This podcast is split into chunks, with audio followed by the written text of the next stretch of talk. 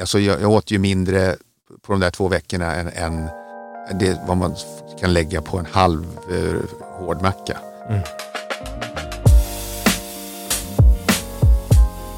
Mitt namn är Staffan Gustafsson. Eh, välkommen till Utforskarvården med Dr. Mikael.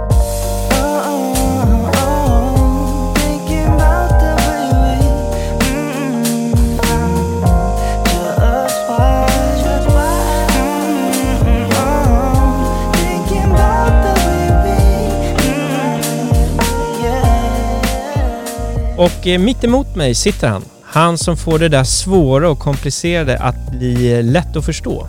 Och han som utbildar oss svenskar om hur egentligen vårdsystemet fungerar. Min favoritläkare. Varmt välkommen Dr. Mikael. Tack så mycket, kul att vara här. Du, eh, hur har sommaren varit? Sommaren har varit rätt så arbetsam. Det har varit eh, mycket jobb och inte speciellt eh, mycket semester. Det har varit, det har liksom öde öar har varit på tapeten kan jag säga. Rätt mycket. Dels min semesterö som har varit ganska öde och sen en annan eh, inspelning som jag har varit på. Som blir en tv-produktion nu i höst. Ja, vad spännande. Ja, det är det riktigt och där finns det mycket medicin och mycket fysiologi att prata om. Ja, men det måste vi återkomma till.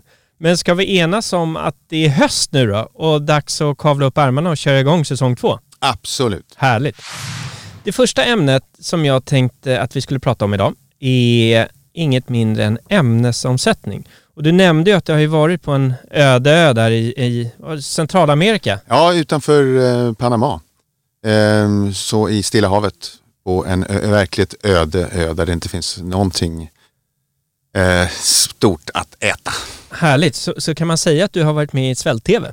Det kan man verkligen säga. Det har ju varit totalsvält. Ja. Det, och det är väldigt speciellt om, och det, man beter sig inte alltid som man tror man ska göra. Så det finns många aspekter. Det finns den mentala biten, det finns den rent fysiologiska biten och, och eh, det finns det sjukdomsbiten för de som inte klarar det här. Okej, spännande.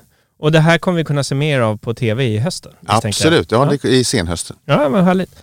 Men du, om vi går åter till ämnet då, ämnesomsättning. Nu när du utsatte dig för det här med väldigt lite kost under, under en viss period. Förresten, hur länge var du där? Hur länge spelade ni in? T- Tre veckor. Okej. Eh, och så att det var väl det är lite ojämnt fördelning på maten men totalsvält eh, i två.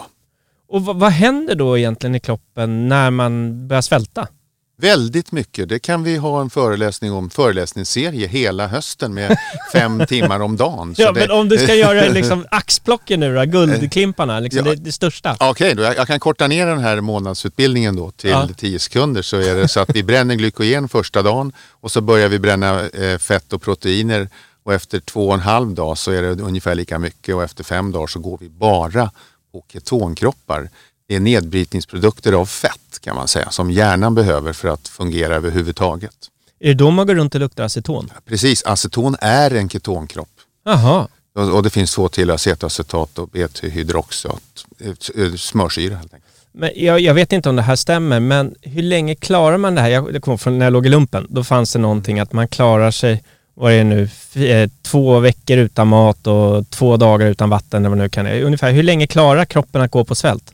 Eh, det, det du söker som jag tänker. Ja, det, det är någon sån här 4-4-4 eller 2-2-2 av Ja, olika saker. Ja, då, då tar jag 3-3-3 då. T- Tre minuter utan syre ungefär, men man kan klara sig lite längre. Ja. Och sen så, eh, så har man då tre dagar utan vatten. Man kan klara sig längre. Men, och sen så tre, en del säger tre veckor, en del säger tre månader. Det beror på vitamintillskott man har. Eh, eh, tre månader på de energireserver man har. Den stora energireserven är ju eh, fett. Men vi bryter ju ner eh, protein, muskler alltså också. Eh, redan från andra dagen. Men sen så växlar man upp till. Kroppen är ju den, den bästa energikällan är ju fett som innehåller mer än dubbelt så mycket energi som socker. Mm. Och glykogen när man pratar är det socker jag pratar om. Glykogen är ju snabba, den snabba energin eh, som eh, räcker i kanske ett dygn, ett halvt till ett dygn beroende på. Finns lagrat i lever och i muskler. Men du, när du var under sån här extrem svält, hur påverkades du? Och framförallt, liksom, hur påverkas hjärnan när man är under svält? Ja, den är det. Och du såg hamburgare överallt? Nej, eller? inte alls. Det, det, det, är- lite olika. Eh, Men eh, hungerkänslorna tycker jag inte var ett problem alls. Okej. Utan man är hungrig i tre dagar, sen går det där över.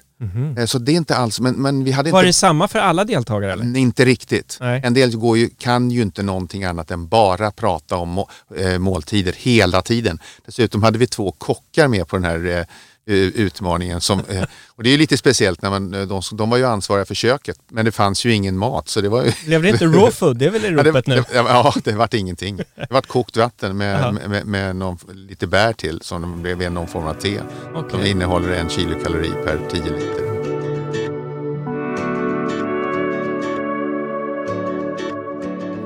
Men vad händer egentligen i hjärnan då när man är under svält? Man blir lite, som amerikanerna säger, slow cerebrated. Man blir lite långsam. Och man säger att där borta har jag ju lagt grejerna ja. Jaha, men då går jag och hämtar dem. Och sen funderar du en stund och sen går du och hämtar dem. I vanliga fall hade du gått dit och tagit dem. Inte liksom, men hjärnan blir lite segare. Det där rättar till sig men det tar, det tar några veckor. Det börjar rätt tidigt, sen är det individuellt då. Mm. Eh, hur, hur pass mycket, eh, eh, hur lång tid det tar. Mm. Men, eh, det är, men man går huvudsakligen då, i slutet på den här perioden så går man ju på fettförbränning och lite proteinförbränning. Mm. Och vad händer med din kropp? Ja, min, jag gick ner 8 kilo och då är det ju så att glykogen binder ungefär tre gånger så mycket vatten. Och det är det där för man varierar så mycket och det är där folk har lite svårt Och vad att... är glykogener då? Så att Det är bara... återigen det är lagrade kolhydrater, lagrat Okej. socker fast det är en l- längre kedja av sockermolekyler. Mm. Eh, och då så då eh, binder det här vatten. Så om man har 500 gram glykogen i sig, 500, ett gram innehåller 4 kilokalorier, det är ungefär 2000, räcker eh, en, en dag knappt. Mm. Eh, då binder det också en och en halv liter vatten. Mhm. Så, att, så det kissar man ur så att det, man väger ju mindre. Eh, efter ett dygn så väger man kanske ett, ett till två kilo mindre. Eh, men det går man ju upp om man skulle fått mat. Mm. Men det där jämnar liksom ut sig. Eh, så att, eh, det gör, och då har man ju inte förbränt något fett nästan alls i det första dygnet. Då. Nej. Så att det, det, ju- den här förklaringen är ju varför med jojobantning och man väger sig si och man väger så och snabba variationer i kroppsvikt. Alltså folk som vä- väger sig väldigt ofta flera gånger om dagen. Snabba variationer i, i vikt är alltid vätskeförluster eller vätsketillförsel. Mm. Principiellt sett så kan man säga det är vätska ut eller vätska in.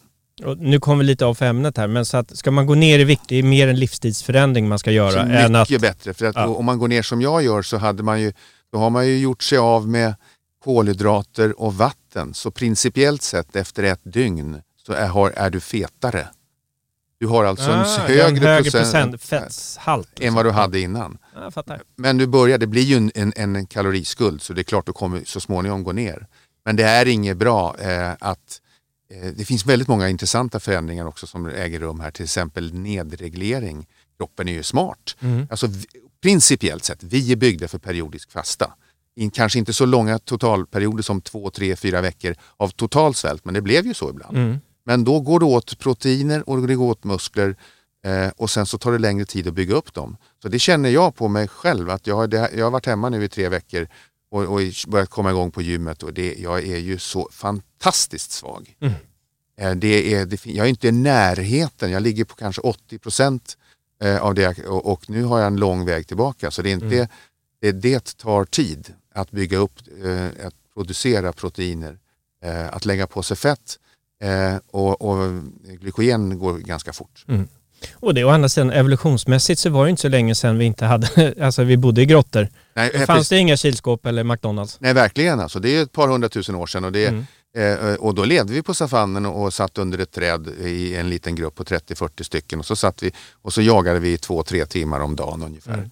Men det här är lite roligt för att när man tänker på det här så, så kan man då kolla på de olika arterna och då ställa sig lite lustiga frågor. Och då ställer jag det till dig här. Okej. och då frågar jag så här. Annars brukar jag ställa frågor till dig. Men ja, det här, men det måste jag göra. Kan du springa i en antilop? Svara.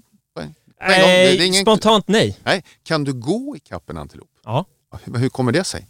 Därför då skrämmer den inte tror jag. Det är att inbillar mig att det kanske kommer närmare. Jag... Tänk energireserv. Ah, vi kan gå längre alltså. Ja, den hoppar iväg en kilometer. Ja. Då går du efter den. Mm. Då hoppar den en halv kilometer för den börjar bli trött. Mm. Och sen hoppar den en halv kilometer fort som fasen och då går. Och så Mm. gjorde man då på det, alltså för, för hundratusentals år. Vi, kunde, vi kan princip, principiellt sett gå i, i kapp vilket djur som helst. Varg, lite svår, nu käkar vi inte varg, men de är rätt bra på att gå långt. Mm. Och det finns några till sådär. Eh, Fåglar av andra skäl, de kan ju gömma sig. Eller, Mm, mm, men, men principiellt sett och vad det gäller däggdjur så är vi fantastiska.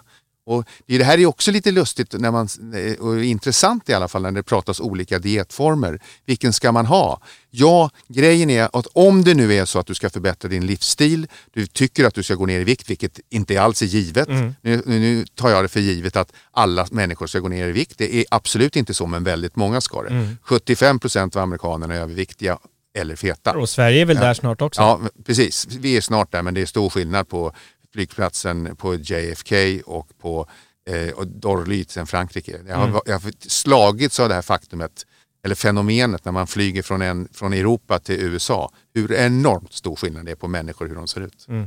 Åter till ordningen här. Så, eh, så att, eh, det, grejen är ju att periodiskt eh, fasta är det vi är gjorda för. Mm. Det är inte givet att det är det bästa sättet att göra en livsstilsförändring. Men det var det som vi var utsattes för. Och då Kör finns, du det själv? eh, jag är inte så orolig för att eh, jag, jag bryter lite eh, som praxis och, och är ju lite tuffare så här och säger ja men frukost är viktigaste målet. Det, det, jag kan vara helt utan. Mm. Alltså i, i, i mitt yrke som, som akutläkare så så blir jag så intensiv så att jag får ett adrenalinpåslag. Jag får det sock, de sockermolekyler jag Mm. behöver för att lösa ett problem. Nu sitter jag inte och säger att strunta i frukosten, men man kan hoppa över en måltid. Det är inga problem, det är vi gjorda för. Förutsatt att vi är friska nu då. Mm. Är du sjuk så då kommer en, en annan historia. Men vi kan vi prata också om ämnesomsättningen. Den vanligaste folksjukdomen hypotyreos. Eh, underfunktion av sköldkörteln som är en, en jättestor grej som är intimt eh, eh, i kontakt med eh, just fenomenet ämnesomsättning.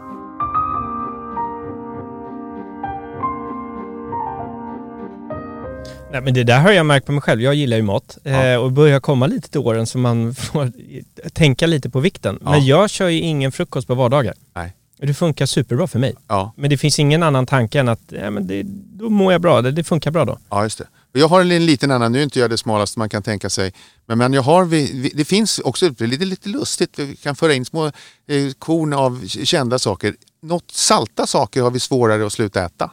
Jaha. Till exempel, det är förklaring till varför du chipspåsen, den är du tar chips och så tycker du det var gott och sen så äter du och sen så fortsätter du. Jag trodde det bara hade med min dåliga karaktär att Nej, göra. att du, fort, ja, det har, men, men då är det, det, är, det är svårare att stå emot en, sa- eh, med, med sälta tydligen. Ja. Så att man, det, och det är det där med att jag tillåter mig att äta chips men jag måste ju inte äta upp hela påsen. Mm. Sluta eller begränsa, ta, lägg, ta en liten påse. Jag har ju till och med gjort så här att jag köper småpåsar för jag har så dålig karaktär att de tar, då tar en sån här 30 grams påse då, mm. som en tiondel av en stor påse.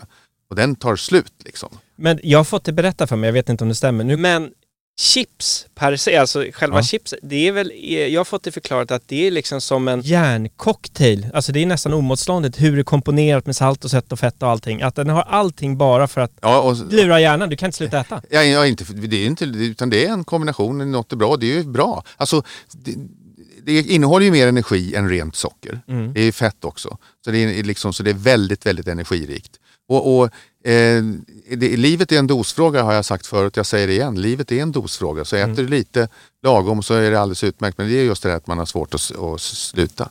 Men sen så kommer man tillbaka till andra gamla fysiologiska fenomen. Alltså sockersuget. Det kan ju inte vara något bra. Alltså det, ju, det var ju fantastiskt bra förstås för hundratusen år sedan. Annars Om hade du hittar- kanske inte suttit här idag. Nej, om du sutt, hittar ett getingbo med, med honung eller eh, med, med sockerarter, då, är det, då ät för fasen. Mm. Så för allt vad tygen håller, för att lägg på dig så du klarar dig. Då, Mm. då var det ju en, då var ju en skillnad mellan liv och död. Så att det, att det där har att det blev något gott av godo, att, att det här söta energirikt och att man äter av det. Det är ju, ur en eh, evolutionsperspektiv så är det ganska självklart. Mm. Men eh, nu, nu, problemet är ju att vi har ju, återigen nu, nu väldigt mycket mat här, men, men vi har ju på armlängds avstånd så har vi ju stort sett allting vi vill ha. Mm. Och det är det, det där tillfället, att det är för lätt. Och, och då, då, försök, då blir det en krock mellan vad som är bra för oss och vad som har, vi har vuxit upp med skulle vara bra i ett, i ett äldre evolutionsperspektiv. Mm. Och sista frågan till din sommar och resan och, och ämnesomsättning. Vad var det första du åt när du fick äta? Ja, det var faktiskt ganska tråkigt. Det var torrt, det var, nej inte torrt, det var he, ris kokt i saltvatten, vanligt saltat vatten, Ja. rent ris. Och det var så gott. Det är en sån här magsjukekur. Ja, just det. Det var så fantastiskt gott. Jag har inte känt någon sälta. Alltså, vi, det var ju sot och salt. Vi hade ju en eld Mm, som gjorde upp, men vi hade ju väldigt lite. Vi fångade några fiskar som vi skulle dela på 11 personer. Eh, så att det vart ju, mm, alltså jag, jag åt ju mindre på de där två veckorna än, än det, vad man kan lägga på en halv eh, hård macka. Mm. Eh, men att, då, att ett vanligt ris utan smak med salt kunde vara så gott. Sen så åt jag lite kokta grönsaker. Jag trodde jag skulle, vilket där var ju smart för att man kan riskera tarmvred Mm. om man går på för hårt. Det var några som gick, vi åt i den ordningen. Först lite frukt, sen ris, sen kokta grönsaker och sen kom det fram pommes frites. Men då hade man ätit ganska mycket. Mm, jag förstår. Så att för att sammanfatta det här då, eh, får vi göra som Dr. Mikael säger, lev i doser. Ja, just det, tänk på det. Njut av allt men Ja. i små doser. Ja. Det du äter sällan är sällan ett problem. wanna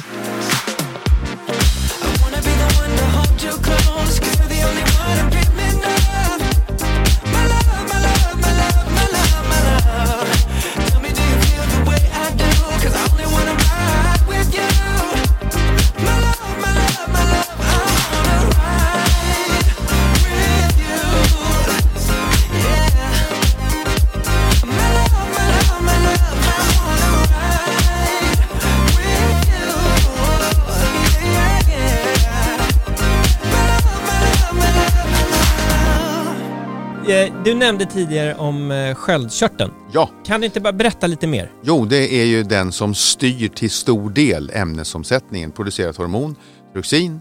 Eh, det finns lite olika former. Eh, och det är, en, det är en folksjukdom och det är väldigt vanligt underfunktion.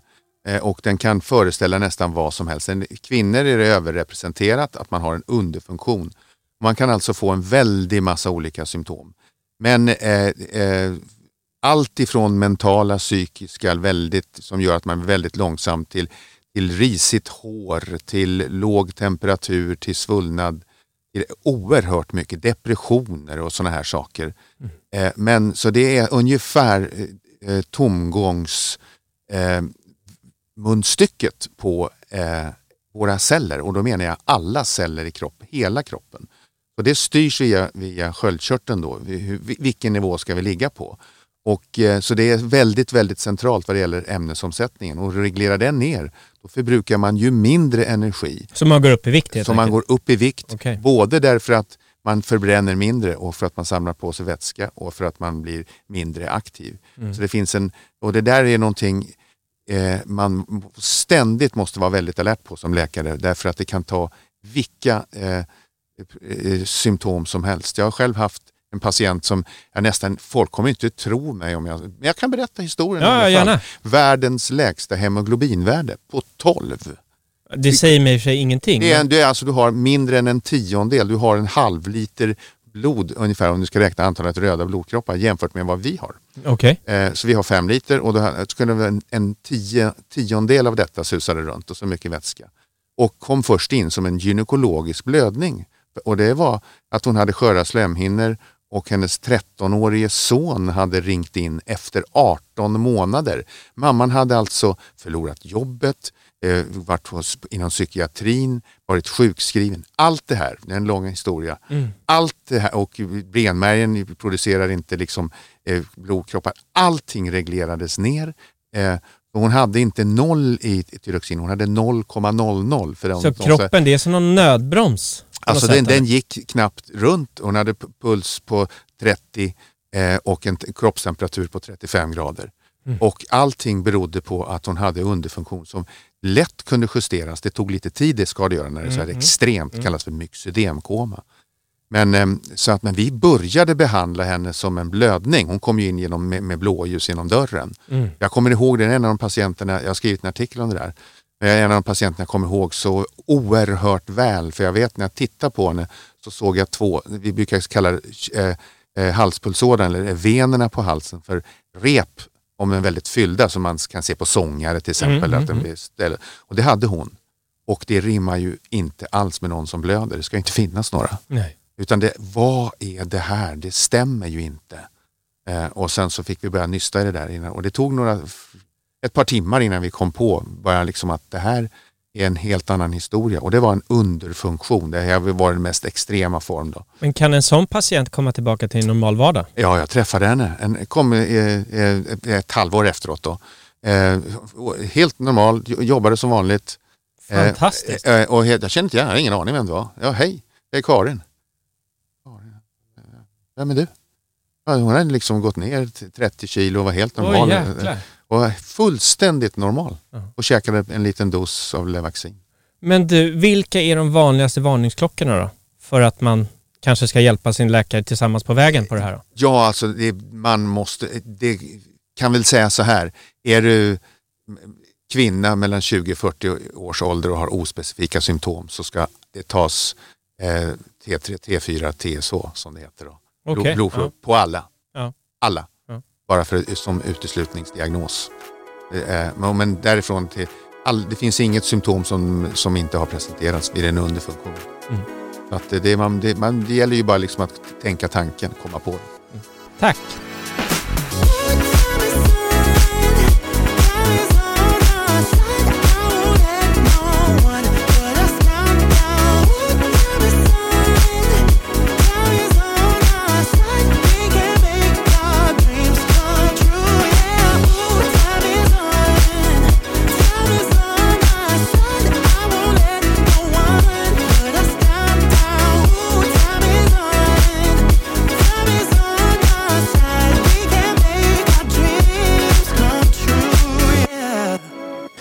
Men då fortsätter vi till nästa ämne. Ja, så gärna. Och om jag inte är helt felinformerad så är du ganska upphungen på ämnet hår och naglar. Ja, precis. Vi har ju haft det ganska nyligen på Nyhetsmorgon. Och det är ju en, vi lägger ju miljarders kronor på hårvård.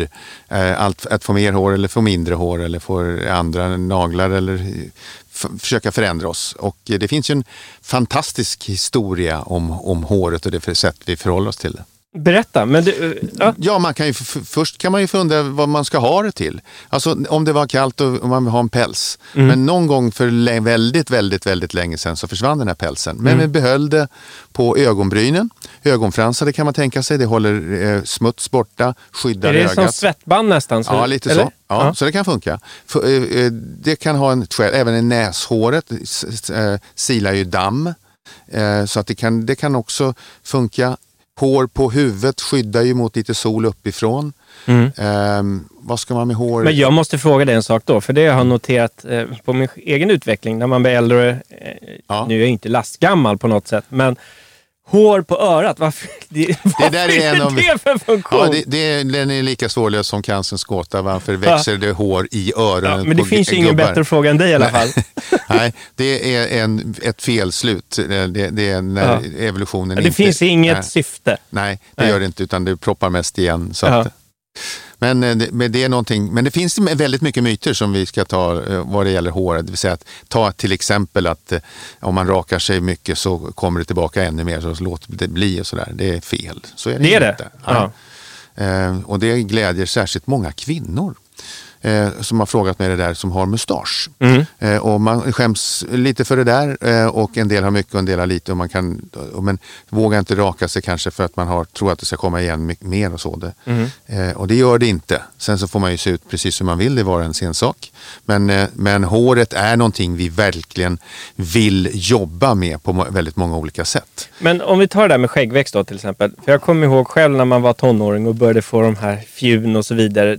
Väldigt mjuka hårstrån. Ja, Så började man ju raka sig kanske lite innan man egentligen behövde. Men det var ju lite spännande. ja. Och sen så får man ju, nu är det ju ganska vasst. Så Ja. det har ingenting med att man rakar sig. Nej, det har med hormonella förändringar, du kommer in i puberteten och det är helt andra förutsättningar. Ja, jag fattar. Men det är, det är ju spännande hur ett historiskt perspektiv, hur det har betytt och hur vi har tolkat det olika.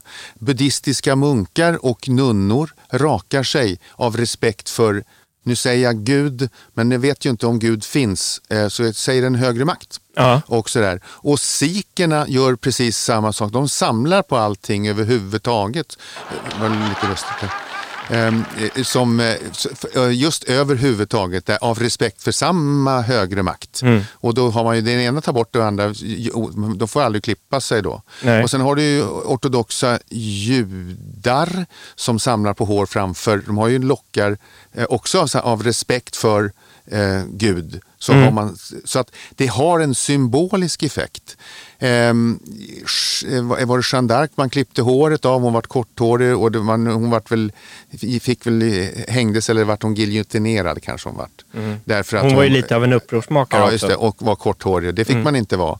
Och hade kvinnor som var otrogna på eh, förr i tiden ska jag väl säga, klippte man håret av. Eh, och så att det har ju haft en väldig, allt den här, det är vansinnigt förstås, Mm. men en eh, sym, väldigt, väldigt kraftig symbolisk eh, eh, betydelse håret. Eh, Så att så är det där och det hänger kvar. Det finns inga patienter som är så följsamma som patienter med hårproblem eller som, eh, med hå- håravfall. Säger man till en, en eh, öv, nu ska jag raljera lite här, Ja, En, en överviktig eh, diabetespatient, åh så svårt att hålla reglerna, jag, slarvar lite med medicineringen och blodtrycksmedicineringen är inte så bra och sånt där. Men har du ordinerat någonting till en patient med en hårproblematik, den följer den. Då är compliance. Som så- lagen. Ja. Ja. Så att det vittnar ju eh, om väldigt mycket om den stora betydelsen av hår. Då. Mm. Har du nå- jag vet inte om du har, har, vet någonting om det här, men en uppfattning som jag har. eh, Om man tittar, jag har ju barn som är i, går i lågstadiet. Jäkligt mycket löss. Ja. Och det går bara runt, runt, runt. Ja. Jag kommer inte ihåg själv när jag gick i, när jag var i den åldern att det var precis på samma sätt. Men det går runt, runt, runt hela tiden. Ja, det- vad ja, gör man? Ja, och varför är det mer nu än vad det varit historiskt? Eh, det vet jag inte att det är. Det, har nu hållit, det beror på hur mycket man ser på det där. Men Ja. man måste ju behandla det och man måste behandla alla och det sprider ju sig via kuddar och, och Ja. mössor. Eh, det, de, de trivs ju i hårbotten verkligen. Sådär, det gör de ju.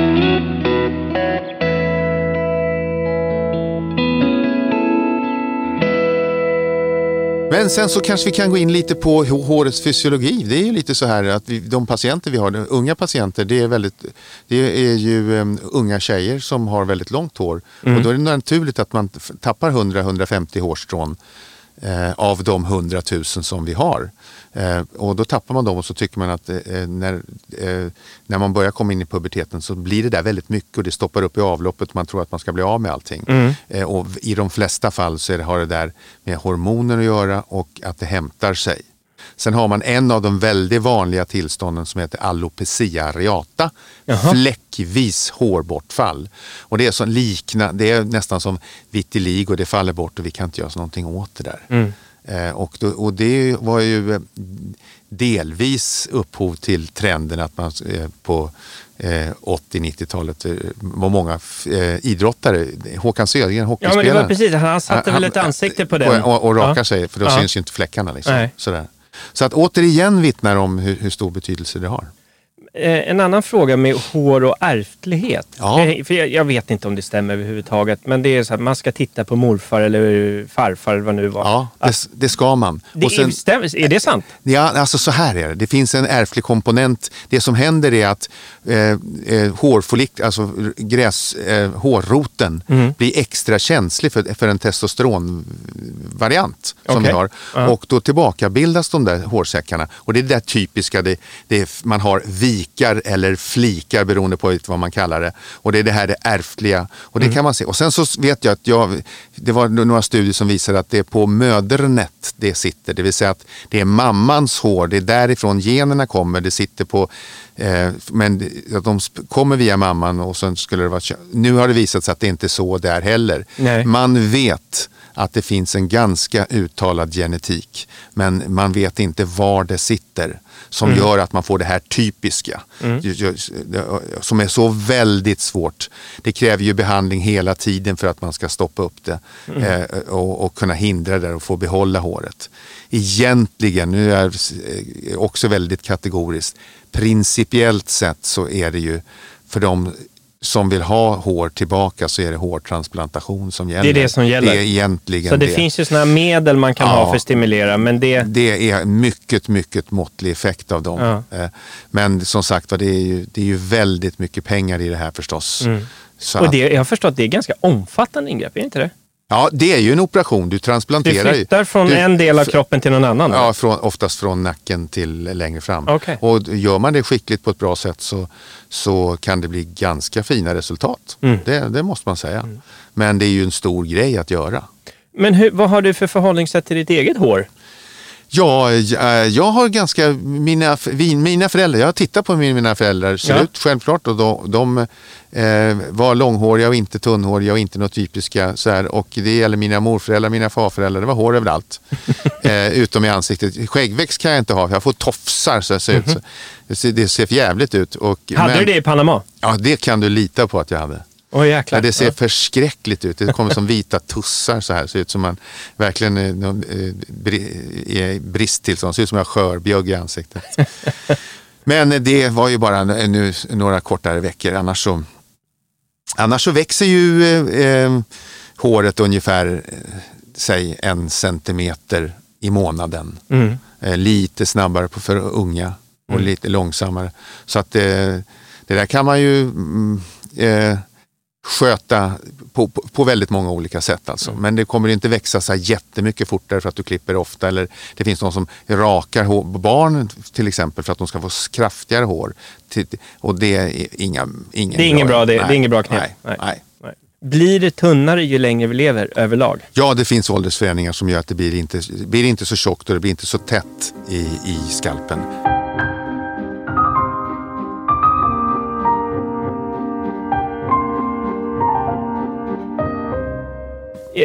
Växer håret lika snabbt över hela kroppen? Alltså det växer i- i en månad ungefär på kroppen, så sen stannar det av. Men då, då växer det ungefär samma hastighet. Ja. Men det växer fortare på huvudet och det växer fortare... Det slutar inte växa? Eh, nej, och det växer fortare om man flyttar till Florida. Eh, Jaha, och varför det, då då? Det vet man inte. Om det har med fuktigheten Något och i värmen där? eller, eller, eller i luften eller i solen eller så. Eh, och det finns väl känt från mycket framstående hårforskare som har just dragit och kollat på sig själv och sina barn. Och det Det stämmer. är därför stämmer. alla pensionärer i USA gillar att flytta till Florida. Ja, de brukar färga håret blått dessutom. Så. Men jag har ju gjort det där en gång i min enfald. Jag är ju rätt så fåfäng av mig. tänkte- menar du inte? Jo.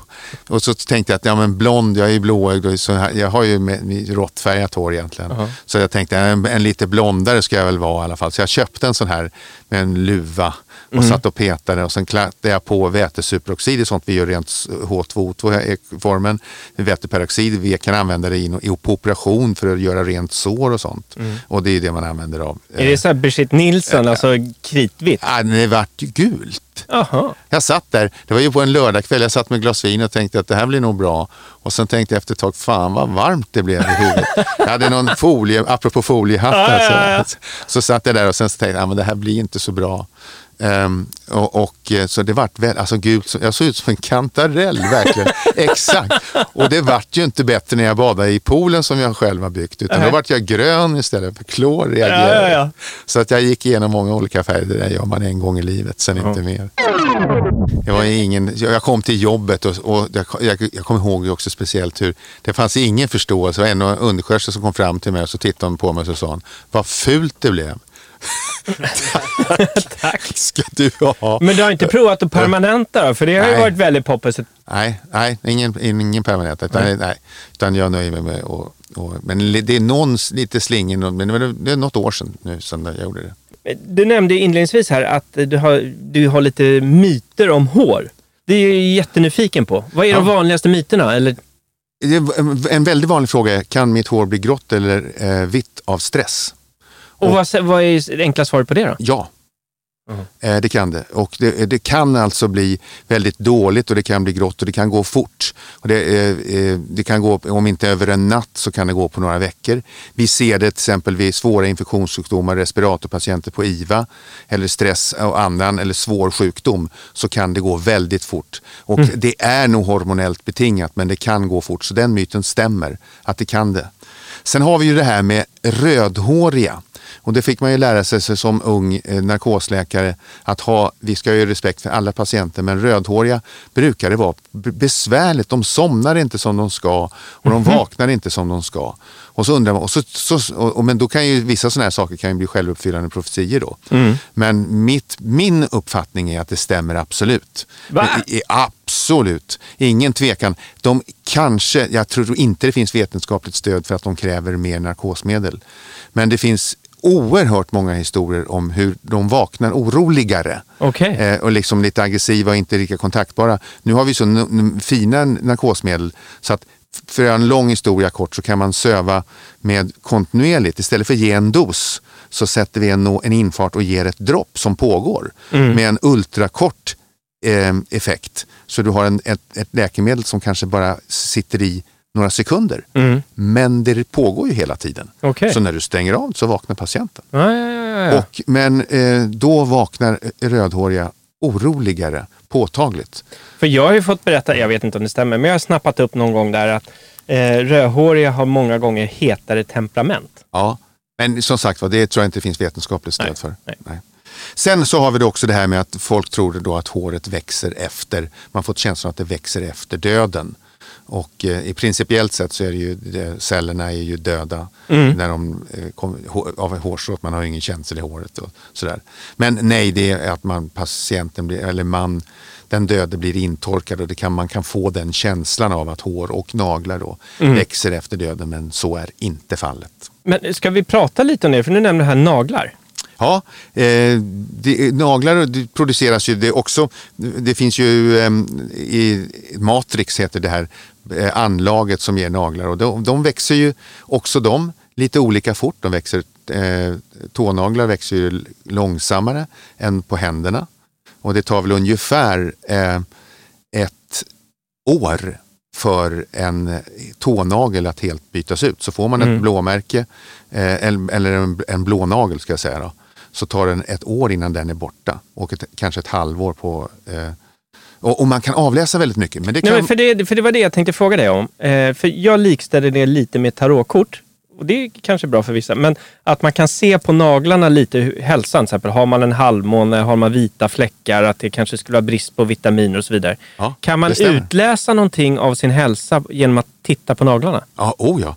Kan, Vad häftigt! Det hade jag ingen aning om. Jag trodde det var lite hokus pokus. Nej, det finns trumpinnenaglar som gör vid, vid eh, obstruktiv lungsjukdom och det finns speciella tecken vid psoriasis och det finns eh, eh, kalkstörningar. När jag var med i Robinson fick jag, eh, inte nu den här senaste, Nej, nej, men nej. då, för då, jag har inte sett ännu för jag var två veckor totalsvält. Kommer nog att visa sig men jag ser det inte ännu. Eh, men då var jag borta i sju veckor och hade väldigt lite kalk. Mm. Och det vart ett tydligt streck rakt över. Det är streck. Och den här lilla månen som kan komma längst in. Ja, Där, nu, jag, nu vet jag inte om jag kan se den här, lite dunkel belysning här. Men vad, säger, vad är det för något? Vad säger den? Nej, det är en tillväxtzon bara. Ja. att, eh, Och de här vita fläckarna man kan få på naglarna, vad kan det... Det kan, det kan stå för många olika saker, så Ja. det får man titta på specifikt hur det ser Ja. ut. Men det, det som jag tänkte också säga, det är alltså ur ett kriminologiskt perspektiv och så är hår oerhört intressant. Det är ju en färdskrivare av vad man har stoppat i sig. Så att det finns ju många, eh, och det håller sig alltså i rumstemperatur kan du mäta eh, om någon har blivit förgiftad i decennier efteråt. Så det är som att borra i djuphavsisen?